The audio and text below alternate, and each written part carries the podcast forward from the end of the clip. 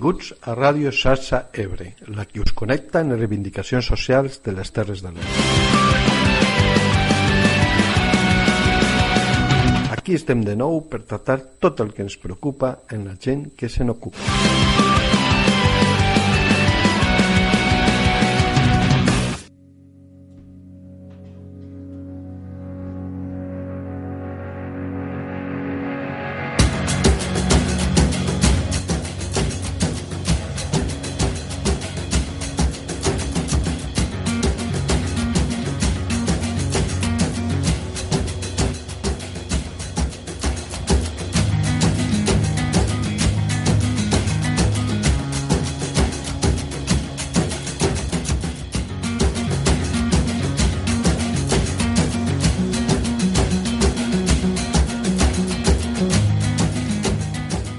Salut a tothom, com esteu? Us prova la primavera? O la sang que està alterada en tantes mogudes i mogudetes que tenim al voltant? Bé, nosaltres sí que estem una mica alterats en això de fer el primer programa en directe, no, Juan Carlos? Una mica. Una mica. Bueno, però anem controlant com podem. A veure, com surt, a veure com surt. Avui. Contem amb vosaltres. Bé, avui no faré una entrada com els altres programes, eh, així una mica, com dir-ho, més poètica. Bueno, tampoc això la paraula. Bé, xei, digueu-li com vulgueu. No sé si serà per la primavera o pel directe o pel tema que tenim avui, bastant polèmic, on ens costarem posicions molt diferents de persones que col·laboren en aquest programa. El cas és que avui entrarem directament. I per que veieu que la cosa va de debò, Gens una primera pregunta en to provocatiu. Les Terres de l'Ebre som l'abocador de Catalunya? Som un terreny sacrificat, com deia aquella activista xilena de Puchuncaví el programa passat? La salud de las personas está tan afectada. Eso es una zona de sacrificio. Cuando te mataron todo el medio ambiente. Eso es una zona de sacrificio para nosotros. Y las mujeres en este caso somos las más afectadas. ¿Y por quién se le sacrifican? Por todo el resto del país. Sembla massa llunyà, apocalíptic, tal vegada? Pot ser. Però més enllà del tema concret de l'abocador de Ribarotja, que tractarem avui, ens hauríem de plantejar què fem en un planeta ple de residus i de brutícia. Com no aturem, com no aturem diguem-ne, millor, aquesta deriva, anem a ofegar-nos en les nostres pròpies deixalles.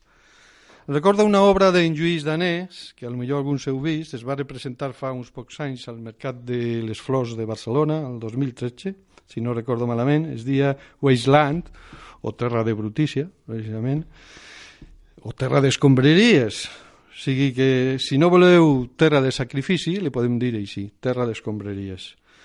Precisament no fa molt, en paral·lel al famós Mobile World Congress, es va fer el Mobile Social Congress i allí hi havia un panel titulat De la mina a l'abocador. És significatiu perquè l'economia de mina és precisament pan per avui forats per demà. Eh, o potser penseu no n'hi ha per tant i el que cal és defensar l'autonomia municipal eh? per damunt de tot. Però què significa autonomia d'un territori en els temps que vivim?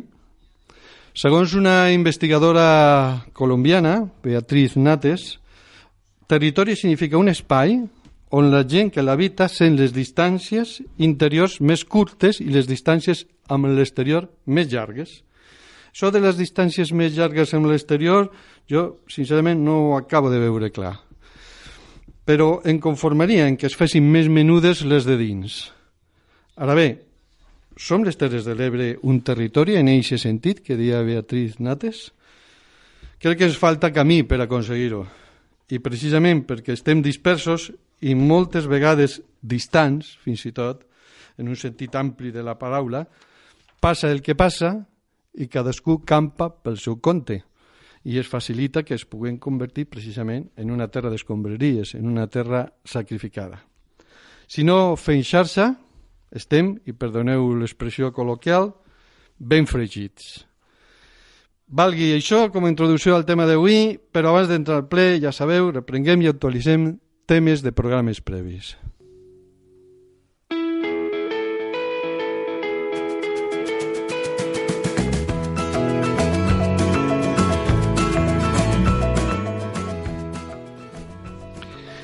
Comencem per la vaga feminista.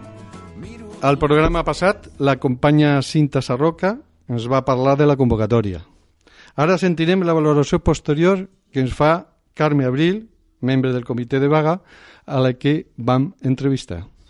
La vaga feminista enguany de nou ha tornat a anar força bé, és a dir, la, la lluita feminista està molt, molt present al carrer i jo crec que hi ha cada dia, no? Si, si es tracta de fer una valoració, no crec que no es tracta de fer una valoració només del dia 8 de març, el dia de la vaga, en què vam tornar a emplenar els carrers no? de, de, de gent i de dirigent, perquè eren homes, dones, eh, trans, eh, homosexuals, lesbianes, vull dir que d'alguna manera també la lluita feminista és una lluita social, no és una lluita només en, per la igualtat dels drets de les dones, sinó que va molt més enllà. I que bé, vam tornar a, a emplenar arreu del món no? els carrers però l'important és, és continuar, donar continuïtat, perquè el que diem no, és que el 8 de març és cada dia uh -huh. i, i la lluita ha de, ha de seguir endavant. I pel que fa al dia 8 de març, aquí les Terres de l'Ebre, doncs va anar força, força bé, perquè vam començar amb una campanya prèvia de dinamització eh, en què molts pobles d'aquí de les Terres de l'Ebre van enllaçar de Lila,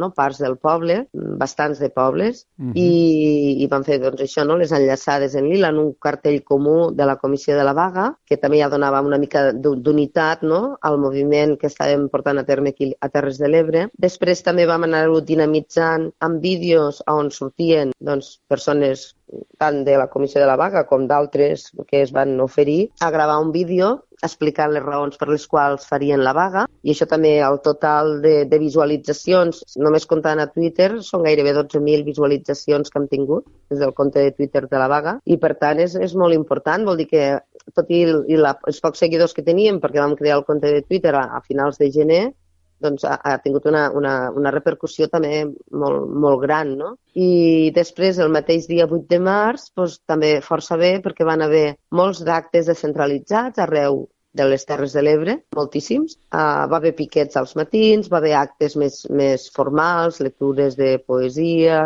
tallers de pancartes, va haver moltíssimes, moltíssimes activitats arreu i a la tarda la, la manifestació unitària a Tortosa, doncs, exitosíssima, també amb, amb molta gent. I a més a més, a Ulldecona també en va haver una, no?, de força, mm -hmm. força important, amb moltíssima gent. Per tant, la conclusió és que, que el moviment feminista està, està en marxa i jo destacaria sobretot la gran quantitat de gent jove que vaig veure.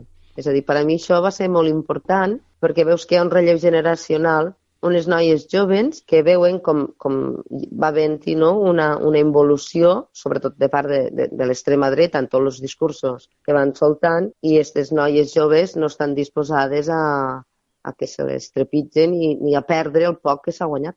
Sí, Carme, és, tu em diràs que, que coneixes tot això molt millor. Eh, és una apreciació meua si és eh, correcta o no. Jo penso que cada vegada el moviment feminista té un caire més social, o sigui, que lliguen també la seva lluita en altres lluites i concretament fan qüestionaments de tipus social o contra el capitalisme, coses així, he vist més que en altres ocasions. Això és sí. així o és una apreciació meua una mica distorsionada? Sí, és així i és perquè uh, ara ja no parlem d'un sol feminisme, sinó que parlem de, de, de feminismes. Podem parlar fins i tot del feminisme ecològic, del feminisme rural, del, feminis, del feminisme racial, de, del decolonial. Hi ha moltíssims feminismes, no? Però el més important és que el que els uneix a tots és que la lluita feminista el que busca és la igualtat entre les persones. I això és anticapitalista, està clar com l'aigua. És a dir, si cerquem la igualtat entre totes les persones i aquesta és la lluita, doncs això mm, no pot ser res més que anticapitalista. I si has sentit els discursos que s'han anat emetent durant aquests dies de la vaga, previs o posteriors, doncs sí, certament és així. Mm -hmm. és, és una lluita perquè, a més a més, el, el patriarcat contra el qual lluitem està implícit al capitalisme.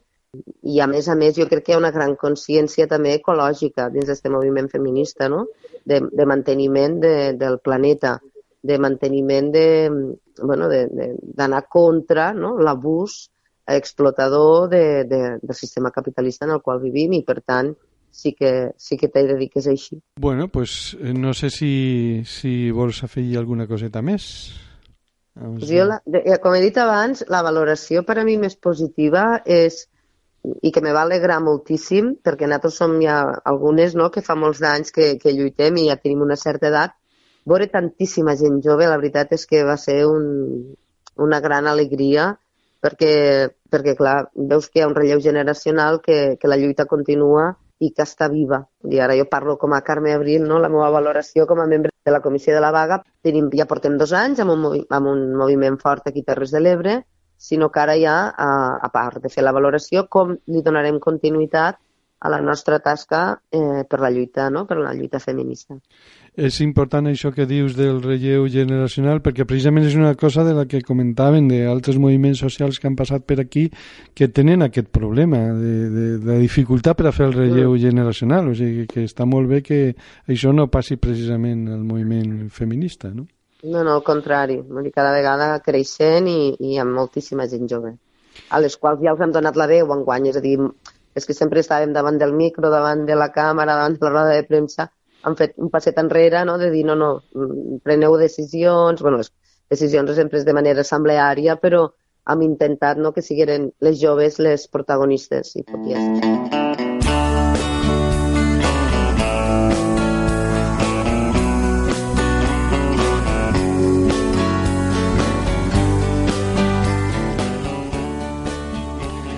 La veritat és que molts pensem que el moviment feminista té un potencial de transformació envejable. I en aquesta força de la joventut estem segurs que continuaran empentant la societat camí de més igualtat en tots els aspectes.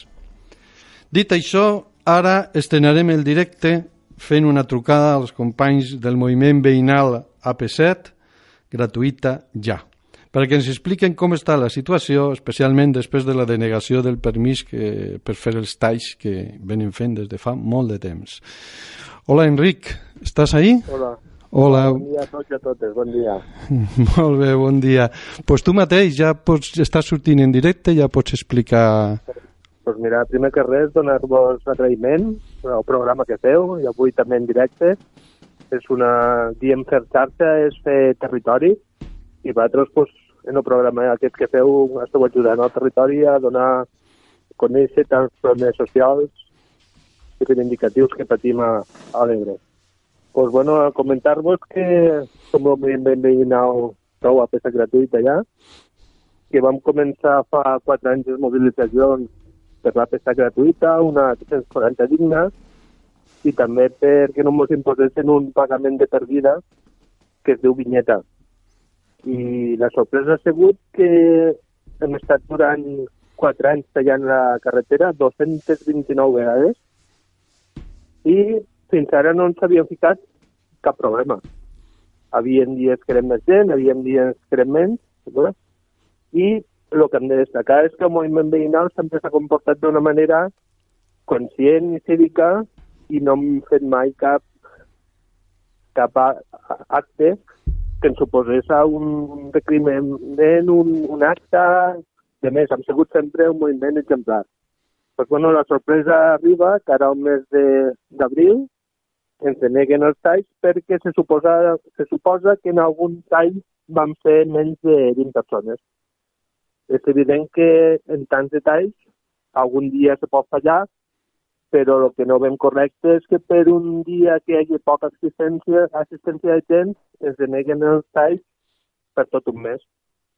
I així ens estem. Estem mirant d'organitzar un tall el dia 13 d'abril a les cases del Canà i a veure com us diuen. Bueno, suposo que les accions que estan fent no agraden a la Generalitat, més que res perquè ens oposem a la, a la vinyeta, i així ens estan tractant. Ho veiem completament injust que un país que està defensant la llibertat i el, el dret d'expressió a uns veïns no es deixen manifestar per una cosa que és legítima com pot ser la gratuïtat de la P7.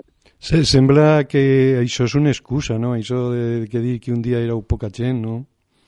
Bueno, mira, eh, mira sabem que, que no us agrada el que estem fent. A veure, molta gent se pensa que què poden fer uns veïns tallant la carretera durant 45 minuts, però sabeu que som un moviment veïnal transversal, estem arribant, hem arribat a Castelló, València, Tarragona i demés, i el que sí que som pocs, hem vist que ara per xarxes socials, especialment pel Twitter, estem tocant temes que possiblement a la Generalitat no, no li agraden, com sabeu que pot ser la vinyeta o pot ser la construcció de les rotondes, i aquí pues, tenim companys que estan fent bastant de mal i per això poden acabar el moviment veïnal d'una manera o d'altra. Nosaltres pensem que estem a 9, 8 mesos de l'alliberament de la P7 i que no és just que ens facin callar la boca. Pues estem totalment d'acord amb vosaltres, ens solidaritzem en la vostra lluita i moltes gràcies. No sé si vols afegir alguna coseta més abans de tocar pues, la tocada. Mira que som moviment veïnal transversal, Terres de l'Ebre i Maestrats van afegir molt, molta part del País Valencià, 155 ajuntaments donant-nos suport al País Valencià, molts pocs de Terres de l'Ebre, sabem les mans com alguns estan lligades per bueno, temes partidistes, polítics i afins, ja, ja m'enteneu el que vull dir, Uh -huh. i nosaltres estem, estem esperant ja estos 300 i pico dies perquè s'acabi l'any per a celebrar l'alliberament de la P7 als peatges de, des de l'Hospitalet fins a Alacant.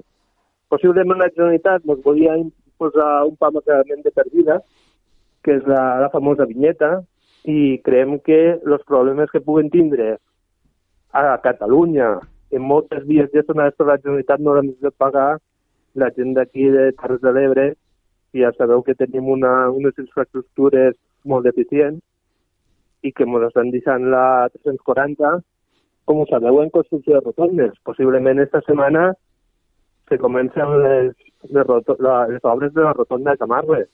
Aviam, si tenim poques vies de comunicació, ja sabeu que també els trens i de més, els problemes que tenim, el que no poden fer és que els pocs que tenim és destrossar-nos d'aquesta manera per a fer-nos una única via de paga i aquesta siguin de pagament, que és totalment just al nostre territori. Sabeu quan han pagat 157 vegades el tram entre Tarragona i Alcanar? Però el més desagradable és que molta gent per no poder pagar s'ajuda la vida a 340. Molt bé, pues, eh, moltes gràcies per atendre la trucada de Sarsa Ebre i força, Enric, i a tots els companys de la P7 gratuïta ja. Molt bé, compartirem els programes i sabeu que estem sempre a, a la vostra disposició per, per fer això, per fer xarxa, fer Ebre i fer territori. Moltes gràcies. Una abraçada, adeu. Igualment, adeu, adeu. Bé, us comentarem també altres temes relacionats amb programes anteriors. Eh, ja està a la venda el llibre Generació lo riu és vida, de Núria Caro i Àlex de la Guia, que van passar per aquest programa juntament amb Manolo Tomàs, quan vam tratar sobre el tema de l'aigua dolça. Llibre, per cert, molt recomanable, molt amè, ben escrit, molt en sintonia el que defensem en aquest programa. És un estudi dels moviments socials i de la implicació de la joventut aquí a Terres de l'Ebre. Aquesta mateixa hora s'està presentant a Mora d'Ebre i abans d'ahir es va fer a Tortosa. Eh, ho podeu trobar a moltes llibreries del territori i contactar en ells via el seu web. I si voleu fer un tas de les seues primeres pàgines, de les 20 primeres pàgines, podeu entrar al web de l'editorial cosetania.com i posar generació al seu cercador i us sortirà. D'altra banda, i sobre el tema de les oliveres mil·lenàries, que vam parlar al programa passat amb Manel Mas de Salvem lo Montsià, hi ha novetats, perquè alguns ja ho sabreu, que s'està tramitant en el Parlament català la llei per a la seva protecció. Ens arriben notícies de que això precisament el que està fent és accelerar l'extracció d'algunes d'elles abans de que se n'aprovi la llei i, i no ho puguin ja fer. Haurem d'estar al tanto d'aquestes coses. Bueno, però jo ja he parlat massa. Eh, doncs dono pas a un altre company de l'equip. Bon dia, Marc. Bon dia. Bon dia, Marc. Molt de gust.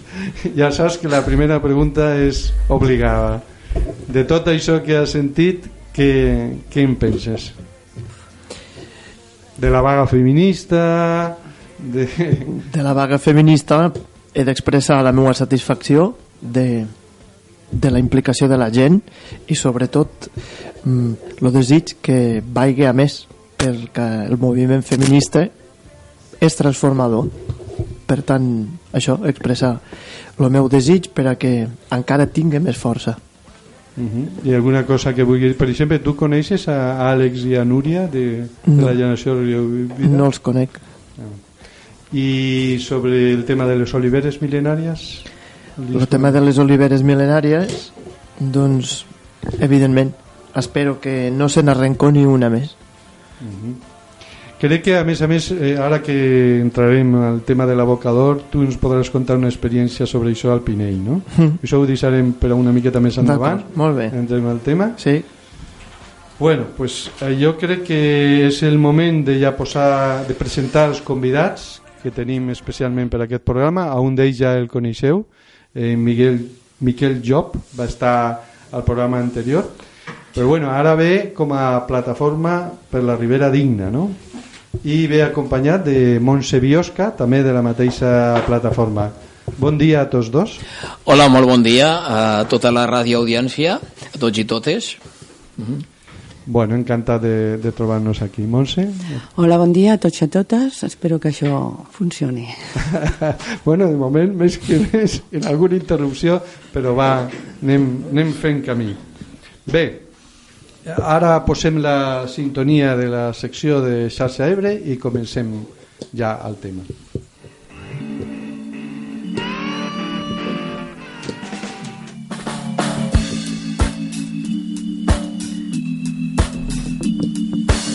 Esteu escoltant Xarxa Ebre, la que parla del que ens preocupa amb la gent que se n'ocupa.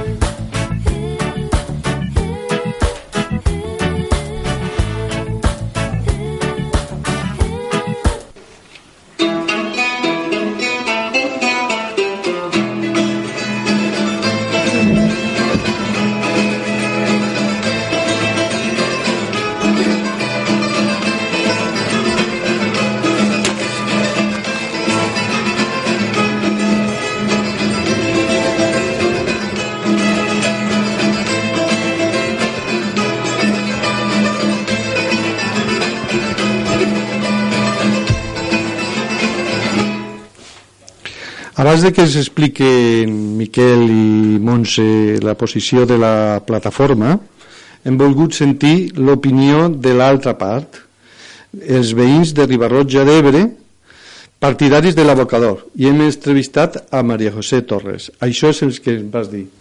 Eh, al vostre manifest parleu d'un fort impuls del, al nostre creixement econòmic, cultural i social. ¿Nos podrías explicar una mica en qué consistiría aquest impuls? Estamos hablando de un centro de valorización y depósito de residuos que es la mayor inversión realizada en el municipio de Ribarroja de Ebro desde eh, el año 60 con la implantación de la hidroeléctrica. Podemos decir también que es una de las mayores implantaciones en la comarca después de la inversión que se realizó el Quimia Aflix y la central nuclear de Asco, generando 14 puestos de trabajo con personas que tienen formación de grado medio y superior dentro de la formación profesional, incluso algún universitario. Es más, los perfiles profesionales que se necesitan en esta industria son básicamente los perfiles profesionales que ya disponemos en nuestra comarca, que son formados en el Instituto de Flix, como por ejemplo puedo poner el de ciclo formativo grado medio y superior de electricidad y electromecànica. Vale, molt bé, mm, gràcies per la informació. Eh, també parleu en el vostre manifest este que heu posat a, abans de les signatures eh, per a recollir-les, poseu, eh, parleu de manipulació interessada per defensar els privilegis de quins mai ens han tingut en compte a l'hora de compartir projectes. A quina manipulació? A quins projectes es referiu? Eh, bueno, aquí nos referimos más que nada desde Ribarroja de Ebro y escuchando a varios compañeros. Sabemos que hay proyectos de instalación de gestión de residuos, de residuos parecidos al de Ribarroja de Ebro en otros municipios vecinos. Creemos que, que, lo que creemos que hay es mucha hipocresía en relación con el tema. En segundo lugar, en segundo lugar, la manipulación a tres meses de unas elecciones municipales. Esto crea todo el mal político eh, que se pueda crear pues para desbancar a, al actual equipo de gobierno, más votos en otro partido o cosas similares. Toda esta manipulación pues la creemos pues porque, a ver, en Ribarroja eh, desde los que hemos firmado el manifiesto, desde estudiantes, desde la- el ama de casa que va a comprar, desde el payés que va a recoger las olivas, eh, desde el catedrático de la Universidad de Rovira y Virgili, este manifiesto que ha sido firmado. Eh, todo esto lo creemos porque Ribarroja en sí eh, no ha sido escuchada muchas veces. Nos hemos sentido, yo, por ejemplo, la gente de Tortosa se siente abandonada por Barcelona, Tarragona, nosotros nos sentimos abandonados toda en Cataluña en general. Y entonces creemos que se ha de pensar un poco más en, en la gente de Ribarroja, creo que tiene el suficientemente intelecto. Y, la, y ya, mira, te voy a poner un, un claro ejemplo, ¿no? Eh, queremos decidir. Yo pienso que Ribarroja tiene todo el derecho de decidir eh, sobre su futuro. L'alcalde de Ribarroja, que també és delegat de Territori i Sostenibilitat de la Generalitat, Antonio Suárez, no? Es diu així, no? Antonio Suárez. Sí. Assegura, Antonio Suárez, eh, assegura que el conveni en les empreses que construirien i gestionarien l'abocador, a banda dels 14 llocs de treball que ja, que ja has dit, també aportaria 240.000 euros anuals al consistori i que també diu ell, la Ribera en realitat no compta en un model de futur. En canvi, els opositors a l'abocador asseguren que sí que hi ha un pla de futur basat en agricultura i turisme de caire ecològic. Mira, esto lo hemos hablado porque, eh, bueno, yo Vicente, tú me conoces, sabéis mi biología política, Uh soy de izquierdas hasta la médula, tengo, el tengo la sangre roja, sabéis que mi afinidad política no va con el actual equipo de gobierno que hay en estos momentos en Ribarroja de Ebro. Eso no quita que defienda este proyecto, porque pienso que no es un proyecto político, sino un proyecto de bienestar y económico para el pueblo. Con esto de decir, mira, actualmente en la comarca de la Ribera de Ebre no hay ningún modelo de, eh, de gestión del futuro postnuclear. Lo que sí hay por parte del Consejo Comarcal es mucho trabajo y muy bien hecho, todo hay que decirlo. Es todo un conjunto de proyectos del proyecto Ribera de Ebre Viva, eh, en, el que se mira más que nada el sector agroalimentario y el sector turístico, en el cual hay que, hay que apostar y seguir trabajando por estos dos sectores. Ahora bien, no hay ningún modelo consensuado para sustituir la economía postnuclear, que ahora mismo genera mil puestos de trabajo. Eh, pensar que podemos sustituir la economía nuclear nada más con la apuesta del sector agroalimentario y turístico que ha de ser y se ha de apostar es totalmente inviable, pensamos que es totalmente inviable, y engañar a los vecinos de la Ribera de Ebre. Bueno, ja una, una última pregunta, ja una mica més així com a, no sé, personal, perquè eh, com, quin ambient hi ha al poble de Ribarroja en tot això? Ha, eh, tots estan a favor de l'abocador o hi ha també una miqueta de divisió? Com està la cosa? Com se viu? Vale, yo de división, mira, yo te voy a explicar cómo lo vivo en Ribarroja, ya que soy eh, ciudadana de Ribarroja. Hay que entender también mucho el taraná de Ribarroja, por eso antes he comentado cómo nos sentimos en Ribarroja respecto a cómo nos sentimos tratados. Aquí en Ribarroja hay muchas asociaciones culturales, se las, ha- se las- se las ha explicado por parte de- del equipo de gobierno y de otras personas, se les ha explicado, han podido mirar el convenio, que por cierto está desde el 2008. Aquí en Ribarroja no ha habido ningún movimiento nunca en contra de- del abocado, como así lo llamamos. No ha habido nunca, si te puedes encontrar a un vecino en la calle, ah, pues yo no estoy de acuerdo. Te puedes encontrar a un 30% que te dice, bueno, pues a mí me es igual, que lo pongan, que no lo pongan. Pero después de todo el movimiento que ha habido por parte de los, eh, de los pueblos vecinos y todo, aquí en Ribarroja, ninguna manifestación en contra del abocado de Ribarroja, ninguna. Para despedirme simplemente pues que, que a Ribarroja se nos respete. Este es el mensaje que quieres mandar, ¿no? Como... Muy bien, pues muchas gracias, María José. ¿eh? Muchas gracias a vosotros por, por hacer que nuestra voz se oiga. Un abrazo. Bé, hem sentit la posició d'una gent de Ribarroja que és partidària de l'abocador i ens han muntat també una plataforma i ara anem a posar sobre la taula la posició de l'altra part dels membres de la plataforma per la Ribera Digna eh, Mons i Miquel, que són aquí presents què n'opineu què n'opineu d'això que diuen des de Ribarroja, de que no hi ha un veritable pla de desenvolupament de les Terres de l'Ebre i que ells han buscat el seu camí perquè cadascú va a la seua en les nuclears, per exemple. Bueno, eh, sembla que no sé. Se sent? Sí, sí, sí. Ah. sí. Bueno, parla. Bé, eh, jo al respecte el que volia dir és que l'actuació de l'abocador de Riba-roja d'Ebre jo la contemplo com el que se diu, diguéssim popularment, com pa per avui però fan per a demà. Este és pa...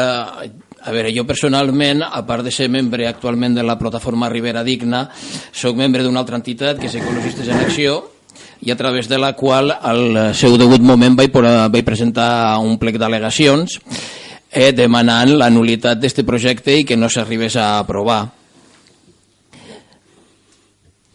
Montse, tu voldries afegir alguna cosa al que ha dit el teu company? Sí, que tenim que lluitar contra, contra l'abocador i tot el que són les accions contra el medi ambient i hem d'estar tots junts per, per fer-ho. Mm. I en concret, vosaltres eh, com valoreu la situació actual, eh, ara que s'ha paralitzat provisionalment l'abocador? Eh, serà per aturar la protesta i després calmar els ànims i treure-la endavant en un moment més oportú? Bueno, això efectivament no ho sabem perquè tampoc sabem com serà el futur. Eh, de totes maneres, clar, és a dir, celebrem que s'estiguen donant passos de, mm, per a que l'abocador no pugui ser una realitat, però eh, clar, estem en una situació molt delicada, estem en una època, diguem-ne, d'eleccions eh, i i ah. penses que això està influint en, en podria influir Clar, no per exemple, sabem... quan Torra va estar aquí i va dir això, pensaves que ho deia en clau electoral? O... Bueno, jo eh, d'entrada no voldria mal pensar del, eh, del molt honorable president. Espero que pugui complir la seva paraula. D'entrada confiem, però estem a l'expectativa i, evidentment, el que no podem fer aquí és abaixar la guàrdia. Mm. Mm -hmm. Bé, Marc, tu eh, diem abans que tens una experiència que a més ja va sortir una mica en el programa anterior quan parlaven d'aquell forat que s'havia fet per a Cemex i que ara es volia omplir com a abocador. Tens una experiència a Pinell, seria interessant que es la compartissis. Bé, jo primer de tot voldria... M'agradaria marcar una mica més en general perquè al final les experiències que tenim a nivell local només són una, la punta d'un iceberg. En realitat, quan ens venen a plantejar uns abocadors o instal·lacions que no vol ningú, per exemple, els abocadors, en realitat el que indiquen és un problema de país mm, i justament a l'experiència que vam tindre al Pinell ho vam enfocar així. Clar que és un problema de qui li endossen una porqueria d'aquestes dimensions, però és que és un problema de país. Per què fem tants residus a nivell de Catalunya? Per què no es fa res per minimitzar-los? Per què no caminem cap al residu zero? A qui li interessa que es continuen generant residus? Nosaltres, mm, quan ens vam oposar al del Pinell, posàvem, lo dit a la posàvem o remarcàvem molt una qüestió, que el nostre problema que mos venia pel fet que mos volien endossar un abocador era el problema també de les grans àrees urbanes de Catalunya. Mentrestant hi hagi forats per omplir, no es farà cap pas per a minimitzar o per a, o per a que no es generen residus. I, per tant, les persones que viuen a les àrees urbanes també seran víctimes d'aquest sistema, perquè enterrar residus eh, costa diners. Potser si no els generem serà més barat lo rebut per a tothom, no? Mm, és a dir, que el que trobàvem, i trobo jo a faltar, és mm, pues això, un model de país de gestió de residus, més que de gestió, que camino cap a la no producció de residus. Mm, a nosaltres ens sembla que aquesta és la clau. I esta és, això és el que haurien de fer els governs que ens governen, valga la redundància, i que em sembla que no fan. Llavors, la nostra experiència al Pinell, com a plataforma, va ser que el mm, que van provocar va ser que l'Ajuntament s'hagués forçat a fer una consulta popular per saber si la gent lo volia o no. Per tant, mm, també ho poden fer els de Ribarroja, que ho pregunten, perquè si no sempre mos estem en a mi em pareix, a mi me sembla, i tots estem en que tothom pensa com jo. Bueno, tothom pensa com jo a la tertúlia dels meus amics, però quan això aterra en unes urnes, al Pinell la corda oficial era tothom ho vol i quan se va preguntar va, va resultar que va ser 70% que no i 30% que sí. Per tant, mm, los altaveus diuen que tothom ho volia, però quan se va preguntar a les urnes, aprofito per dir que la participació va ser extraordinàriament alta, va fregar el 90% de participació de la gent que tenia dret a vot, que eren tots els ciutadans i ciutadanes del Pinell a partir de 16 anys, el resultat va ser molt clar. Mm, tothom va poder dir la seva, mm, la, la plataforma de la qual jo formava part eren partidaris del no per estos motius i molts més que he dit, i l'Ajuntament era partidari del sí. Llavors tothom va dir el que li va aparèixer i al final se va dirimir en unes urnes. Eh, ja està, potser ja està bé de moment. Sí, eh, bueno, tal vegada vosaltres, mm, jo us volia preguntar als membres de la plataforma què digueu quan des de Ribarotxa eh, insisteixen en que s'ha de respectar la seva autonomia municipal. Home, nosaltres tenim que un ajuntament ha de tindre autonomia municipal, però clar, això és un projecte que no només afecta a l'Ajuntament de Ribarroja d'Ebre. És a dir, hem de pensar, per exemple, que aquest abocador no està al costat del, del, del propi nucli urbà. Està com a mínim a 8 quilòmetres i mig d'aquest de, nucli urbà i està més a prop dels municipis o de lo que és el nucli urbà d'Almatret, a 3 quilòmetres i mig, i del municipi també de Maials, llavors no, es, no podem parlar, no només, és, és un projecte que, que no només afecta al, a, al terme municipal de Ribarroja d'Ebre, i com bé ha dit Marc, vull dir, aquí tenim un problema de país, tenim un problema de país perquè, clar, quin és el model socioeconòmic i ambiental que volem per a aquest país? Responent a la pregunta que tu fes abans, de si Terres de l'Ebre és... Eh, la, o sea, l'abocador de Catalunya, eh, bueno, jo no seria tan taxatiu de dir que és l'abocador de Catalunya, diria en tot cas que és un dels abocadors de Catalunya, perquè, clar, a nivell de Catalunya tenim molts problemes ambientals. És a dir, tenim tot el problema dels purins, que es genera a lo que és a l'eix del porc, tenim tot el problema de les salines, que tenim a les conques del riu Cardener, Llobregat, tenim tot el problema de la mala gestió de residus que es fan a les, a les metropolitanes, bueno, la, la, la contaminació pel trànsit, etc etcétera, etcétera, etcétera, i residus radioactius, bueno, aquí, vamos, és que no... N'hi ha, per, no. ha per tot. Sí, sí. Eh. Jo, perdó, que t'he tallat.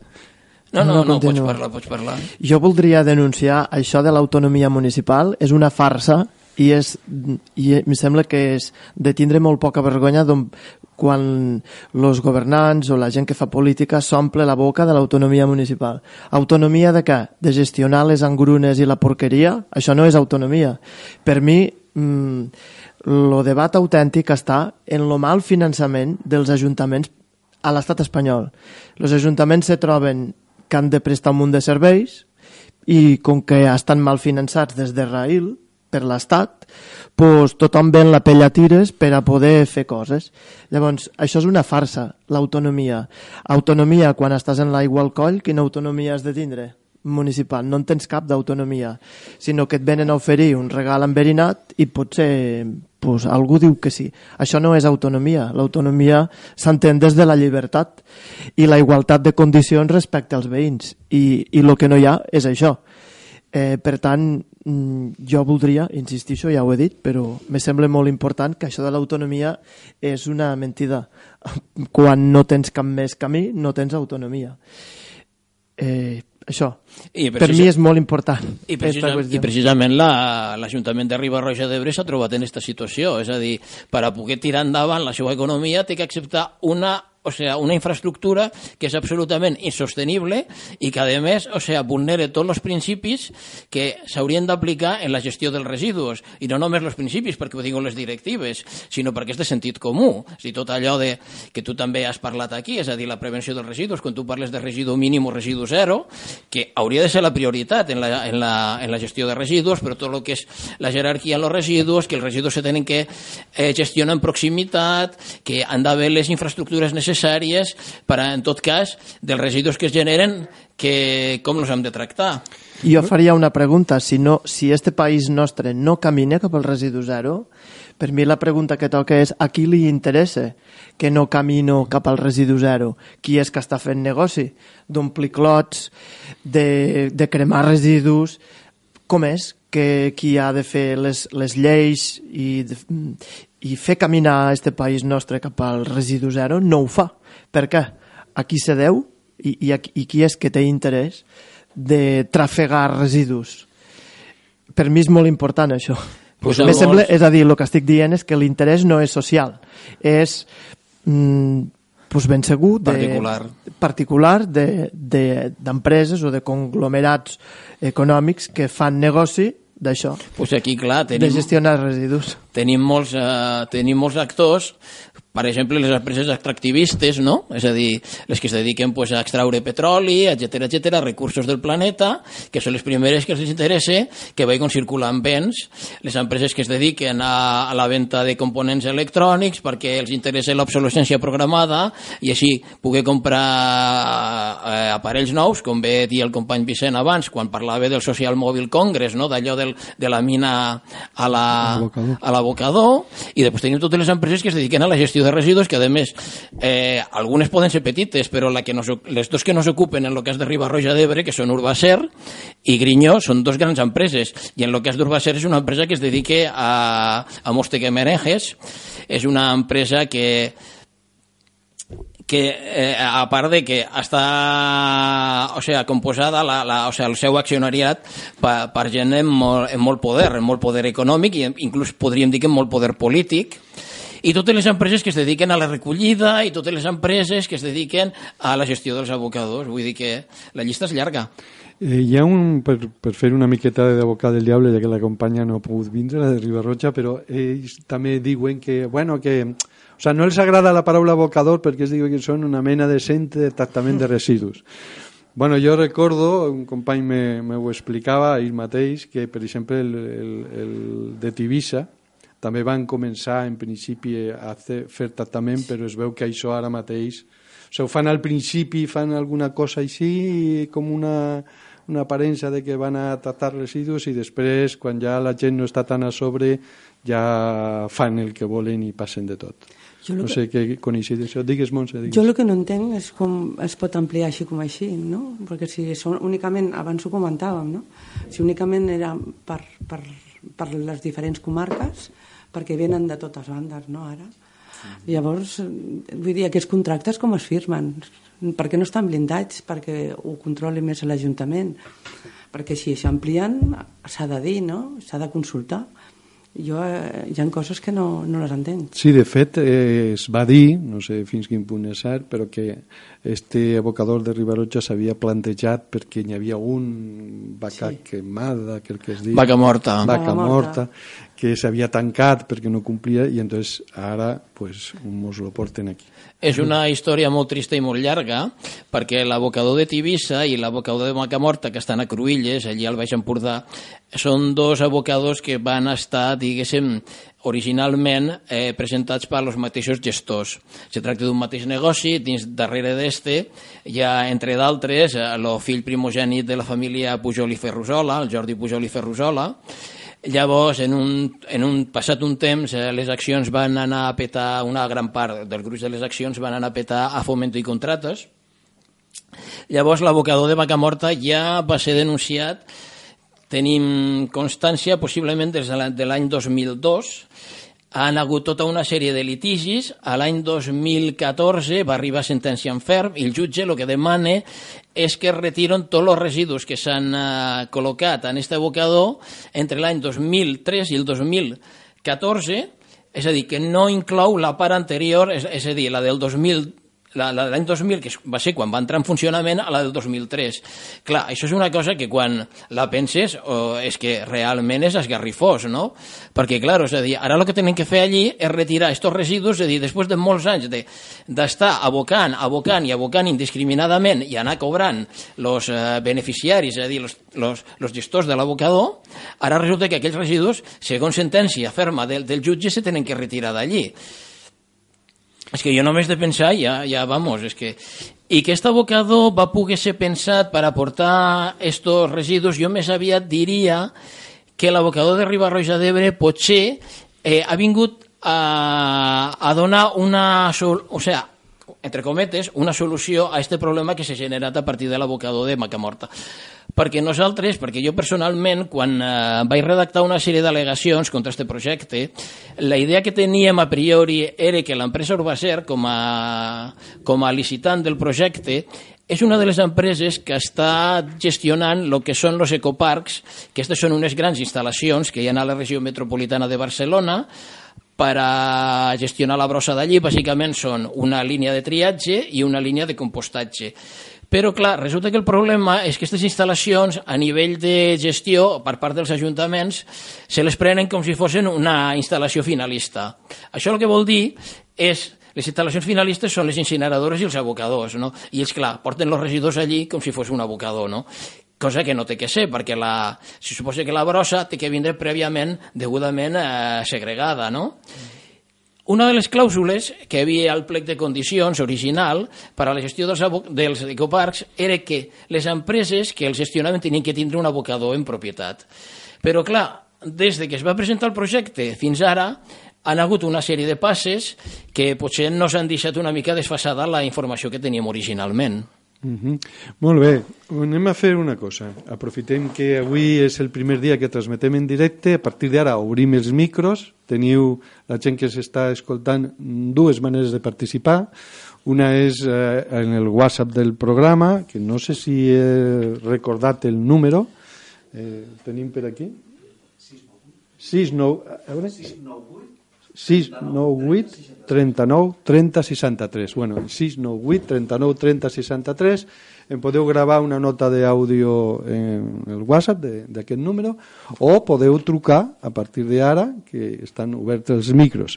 Mentre això passa i donem entrada a gent que no està present a l'estudi, eh, posem una musiqueta que ara està de relleu, perquè fa poc que Pepet i Marieta d'aquí d'Ulecona la va estrenar eh, en, en un regal per a la plataforma en defensa de l'Ebre i es diu La Força de l'Ebre.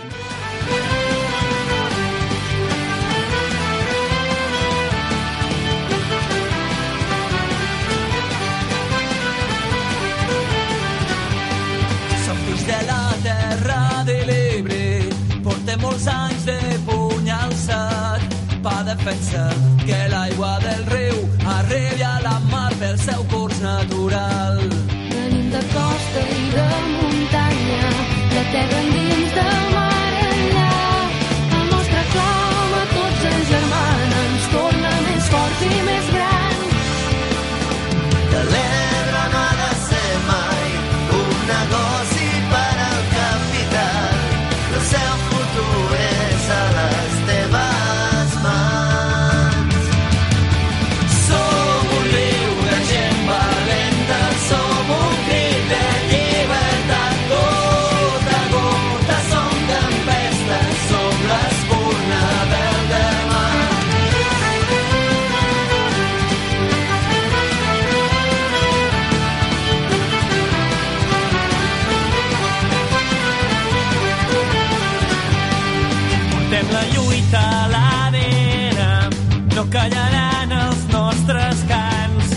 som poquets davant la batalla, però junts som la força de mil vendavals.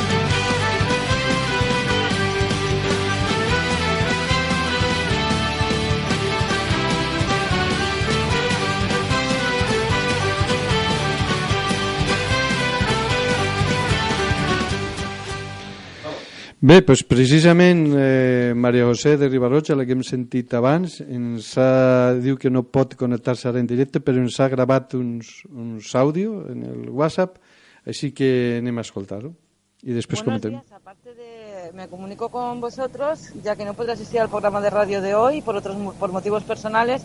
Eh, claro, se han, han habido otros acontecimientos a partir de la última entrevista que me hizo Vicens, que quería comentar, que es como es eh, deciros de que eh, hay una nueva inversión en Ribarroja de Ebro, que ya, ya no tenemos encima de la mesa solo esos 14 de puestos de trabajo, sino que son 44 44 puestos de trabajo. Por lo tanto, eh, quería comentarlo y pedir respeto para nuestro pueblo. Insisto en el respeto, ya que no, eh, no lo tenemos. Consideramos que no nos dejan, no nos dejan salir adelante. Eh, pero Ribarroja es eh, es bastante fuerte y con bastante decisión para ella sola poder salir adelante.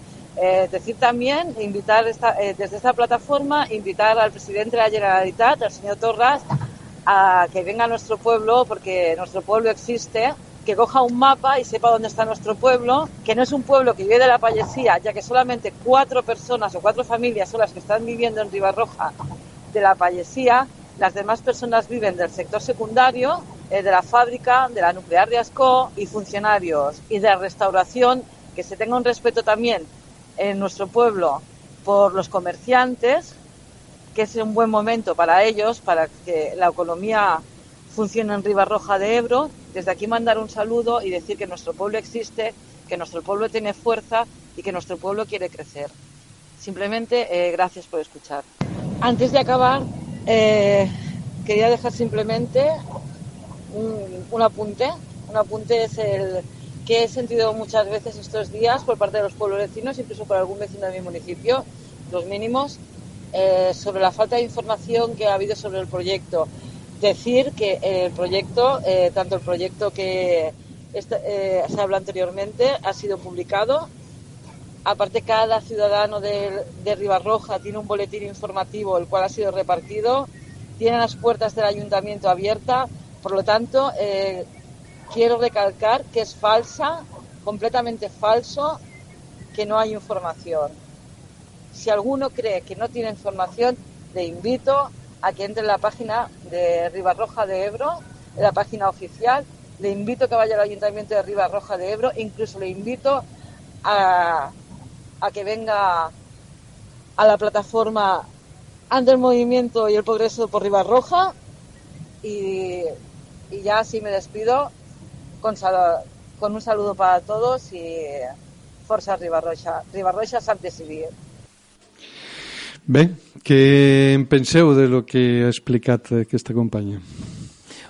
Bueno, a veure, respecte als nous moviments, evidentment, darrerament hi ha molts moviments no, entorn del, del projecte de l'abocador i un precisament és lo de la planta incineradora que aniria acompanyant este abocador perquè realment és aquest tipus de tecnologia, se, trac, se tractaria en tot cas i que s'arribés a materialitzar d'una planta d'obtenció de biocombustibles a partir de derivats dels residus Concretament, l'empresa Grinyó ja en té una a Constantí i pel que tinc entès funcionen moltes eh, deficiències. De fet, tinc entès que, que el producte resultant és un combustible carregat de plom i que, per tant, no és vàlid per a la utilització per carretera, quan aquesta empresa el que pretenia era generar el seu propi combustible per a la, la flota de camions que té. Eh, dir que no només hi ha un projecte d'incineradora de residus per al terme municipal de Riba-roja d'Ebre, sinó que n'hi ha un altre també per Escó. És a dir, que estem farcits d'instal·lacions eh, insostenibles. Mm. De projectes. Mm, Mar, Montse, voleu afegir Jo- alguna cosa al que ha dit Miquel? Potser no molt nou, però sí que em sembla que... Bé, encara me refermo més en el que he dit abans, però m'he deixat una cosa, que em sembla que quan, a banda del que he dit abans, jo trobo que una instal·lació d'aquest tipus no val a dir la informació està aquí, la informació està allà, perquè penso que el que s'ha de mirar és qui la dona, la informació, i quin tipus d'informació dona. A mi em sembla que s'ha d'afrontar des de molts punts de vista.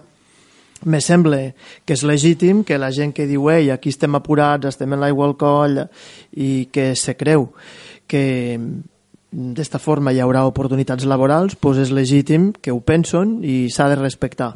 Però me sembla que no n'hi ha prou, cal mirar tot des de diferents punts de vista, al final, al cul del sac, què queda d'això? Que quede de bo, que quede de dolent... Eh, és a dir, que s'ha d'afrontar polièdricament. I vaig allà on anava al principi. Crec que no es pot desvincular un abocador així d'un problema de país. Mm, De, al final, què hi guanyem i què hi perdem. I no val a, a que s'ajunto la picor en les ganes de gratar. Insistixo en això, que aquí li va bé que hi hagi territori o mm, parts del nostre país que estiguen deprimides econòmicament i ajuntaments que estiguen ofegats, aquí li va bé per a poder col·locar què? Jo insistixo en aquesta idea, que a qui s'ha de desenmascarar és el poder econòmic i els governs que tenim que no cuiden la gent i com que no cuiden la gent, doncs no miren pel bé comú. I crec que la oposició a un projecte d'aquest tipus, un no aquí, un no allà i un no allà d'allà, té el valor i la força de pressionar a qui té la responsabilitat, que són parlaments i governs, de que faiguen el favor de plantejar-nos un model de, de gestió de residus que sigui a benefici de tothom.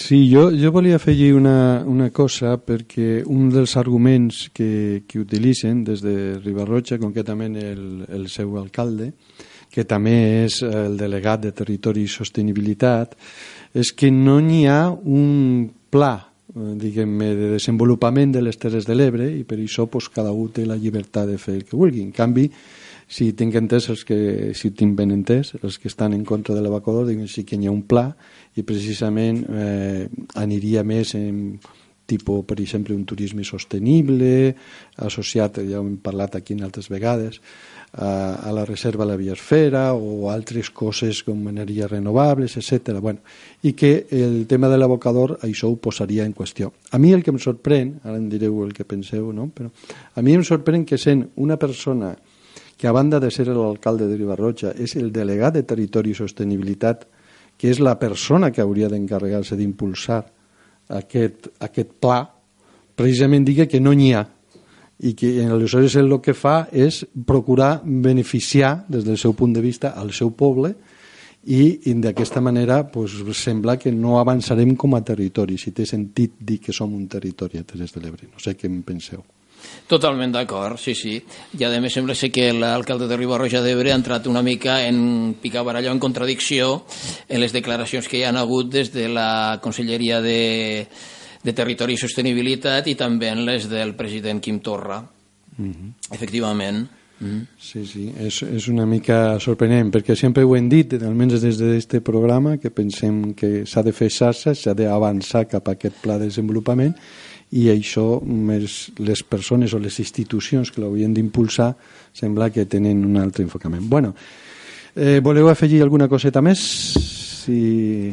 Bé, el que està clar és que s'han de canviar les polítiques de residus, s'han de canviar les, les polítiques de residus des de la, de la, des de la jerarquia més alta i, i, i, i avançar i avançar aquí amb un, com has dit, un nou model de, de territori de Mhm. territori, perquè el que ha dit l'alcalde és veritat que no hi ha un hi ha aquesta tendència, però a nivell de polítiques superiors no, no tenen abandonats. No els tenen abandonats. Molt bé, esperem haver contribuït a donar una mica més de llum en aquest controvertit tema. Nosaltres ja ho sabeu, sempre defensarem que es faci xarxa i que puguem entre tots bastir un programa que garanteixi la vida digna als que habiten a les Terres de l'Ebre. Opinem també, com quan vam parlar de les oliveres mil·lenàries, que quan el conjunt vol que es preservi alguna cosa, ha de compensar de manera justa els que han de renunciar a certa possibilitat econòmica pel bé del conjunt. En fi, queda dit. Moltes gràcies a tots els que heu participat, eh, Miquel Job i Montse Biosca, de la Plataforma per la Ribera Digna, Mare José Torres, des de Ribarroja de l'Ebre, Enric Lange, de la P7 gratuïta ja, de la part de l'equip de Sassa Ebre, Marc Martínez, com a comentarista, Juan Carlos Fibla, com a tècnic, i de mi mateix, Vicent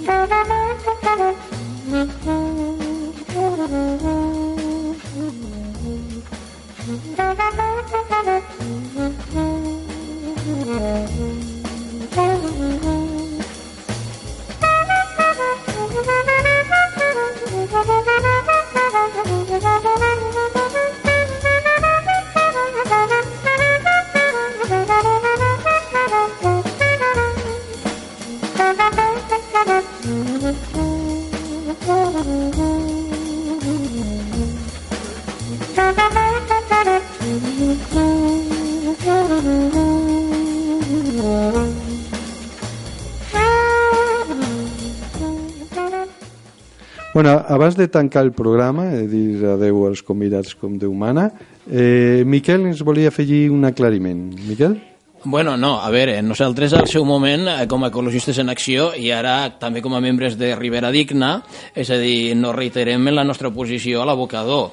Creiem que una instal·lació d'esta naturalesa i dimensions hauria d'estar plenament justificada, clar, donat els greus impactes ambientals que aquesta instal·lació pot suposar. Hem de tenir en compte que esta, este macroabocador se pretén construir sobre una vall hem de tenir en compte que les valls són el que es diuen línies d'escorrentia, que és per on s'evacua l'aigua o sigui, de pluges, Clar, tota aquesta aigua a, a, anirà parar al, al riu Ebre, tenint en compte la, la, la penetració que pot tindre dins dels, eh, dels residus, la possibilitat, que també se dona en el cas de l'abocador de Tivissa, de que puguen haver incendis i tenint en compte com aquest abocador està sobre una vall i té una zona boscosa, la destrucció que comportarà per al propi medi receptor, perquè és, és una zona que té uns vestigis, diguéssim, d'agricultura de secà, però és una zona que està molt ben conservada. I tenir en compte també que potser este espai no està dins de lo que és un espai d'interès natural, però que al voltant hi ha tota una sèrie d'espais que estan inclosos en el que es coneix com a xarxa Natura 2000, que tenen unes figures de protecció ambiental. És a dir, tenim aquí la, los tossals del Matret, tenim la reserva de fauna salvatge i meandre de Flix, tenim l'aigua barreig de, de, de, de, de l'Ebre en, lo, en lo Cinca, el Matarranya, i tenim, com no, la, la vall, totes les valls que hi ha a Ribarroja d'Ebre. I després tots els impactes ambientals que comportarà, eh, és a dir, a nivell d'emissions difuses, per tots els camions que tindran que anar cap allí, és a dir, tots los, o sea, tots els materials, o sea, tots els béns que es faran malbé, etc etc etc etc. Mm -hmm. I nosaltres no, nos reiterem, nos reiterem i creiem que no pot ser que a una empresa privada, com és lo, o sea, se li exigeixen una sèrie de coses o no se li exigeixen, millor dit, és a dir, que se la discrimino positivament quan, és a dir, si aquest abocador ha sigut de titularitat pública, hagués tingut que complir en tota la normativa que emana de la Unió Europea i que, com he dit abans, no és només una qüestió de, de, de legalitat, és una qüestió de sentit comú. I reitero el que he dit al principi, aquest abocador és pa per avui i fan per demà, inclús aniria més. Este pa només són les engrunes. Molt bé, doncs en, en, en aquest missatge donem per acabat el programa, però per vosaltres, els que ens escolteu, recordar-vos que teniu ara, a partir d'avui, més possibilitats de participar. Si voleu fer xarxa, ho teniu una mica més fàcil. Deixeu-nos un àudio o un test en els vostres suggeriments, comentaris, crítics al WhatsApp del programa 6 983 9 30 63. Ho podeu fer encara que no estem emetent i ho tindrem en compte per al proper programa o ho podem fer com avui ha fet Maria José eh, en directe i després el traiem i el podem comentar aquí. Sobre el proper programa, mmm, bueno, no desvellaré, serà una novetat. Anem a veure si podem sorprendre-vos. Els que uns seguiu per les xarxes socials ja tindreu avís i notícia una mica abans. No us ho pergueu, ho podeu seguir bé pels nostres canals. Salut!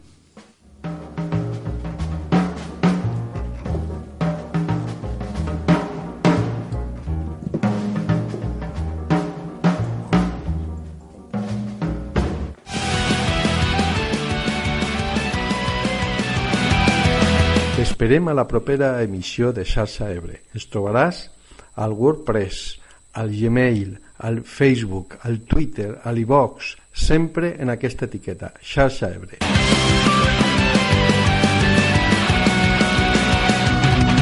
No oblides subscriure't. Sabràs els temes, les dates i les convidades dels propers programes, així com quan es faran els xats de debat, on contem en tu. Fins aviat. Seguim fent xarxa.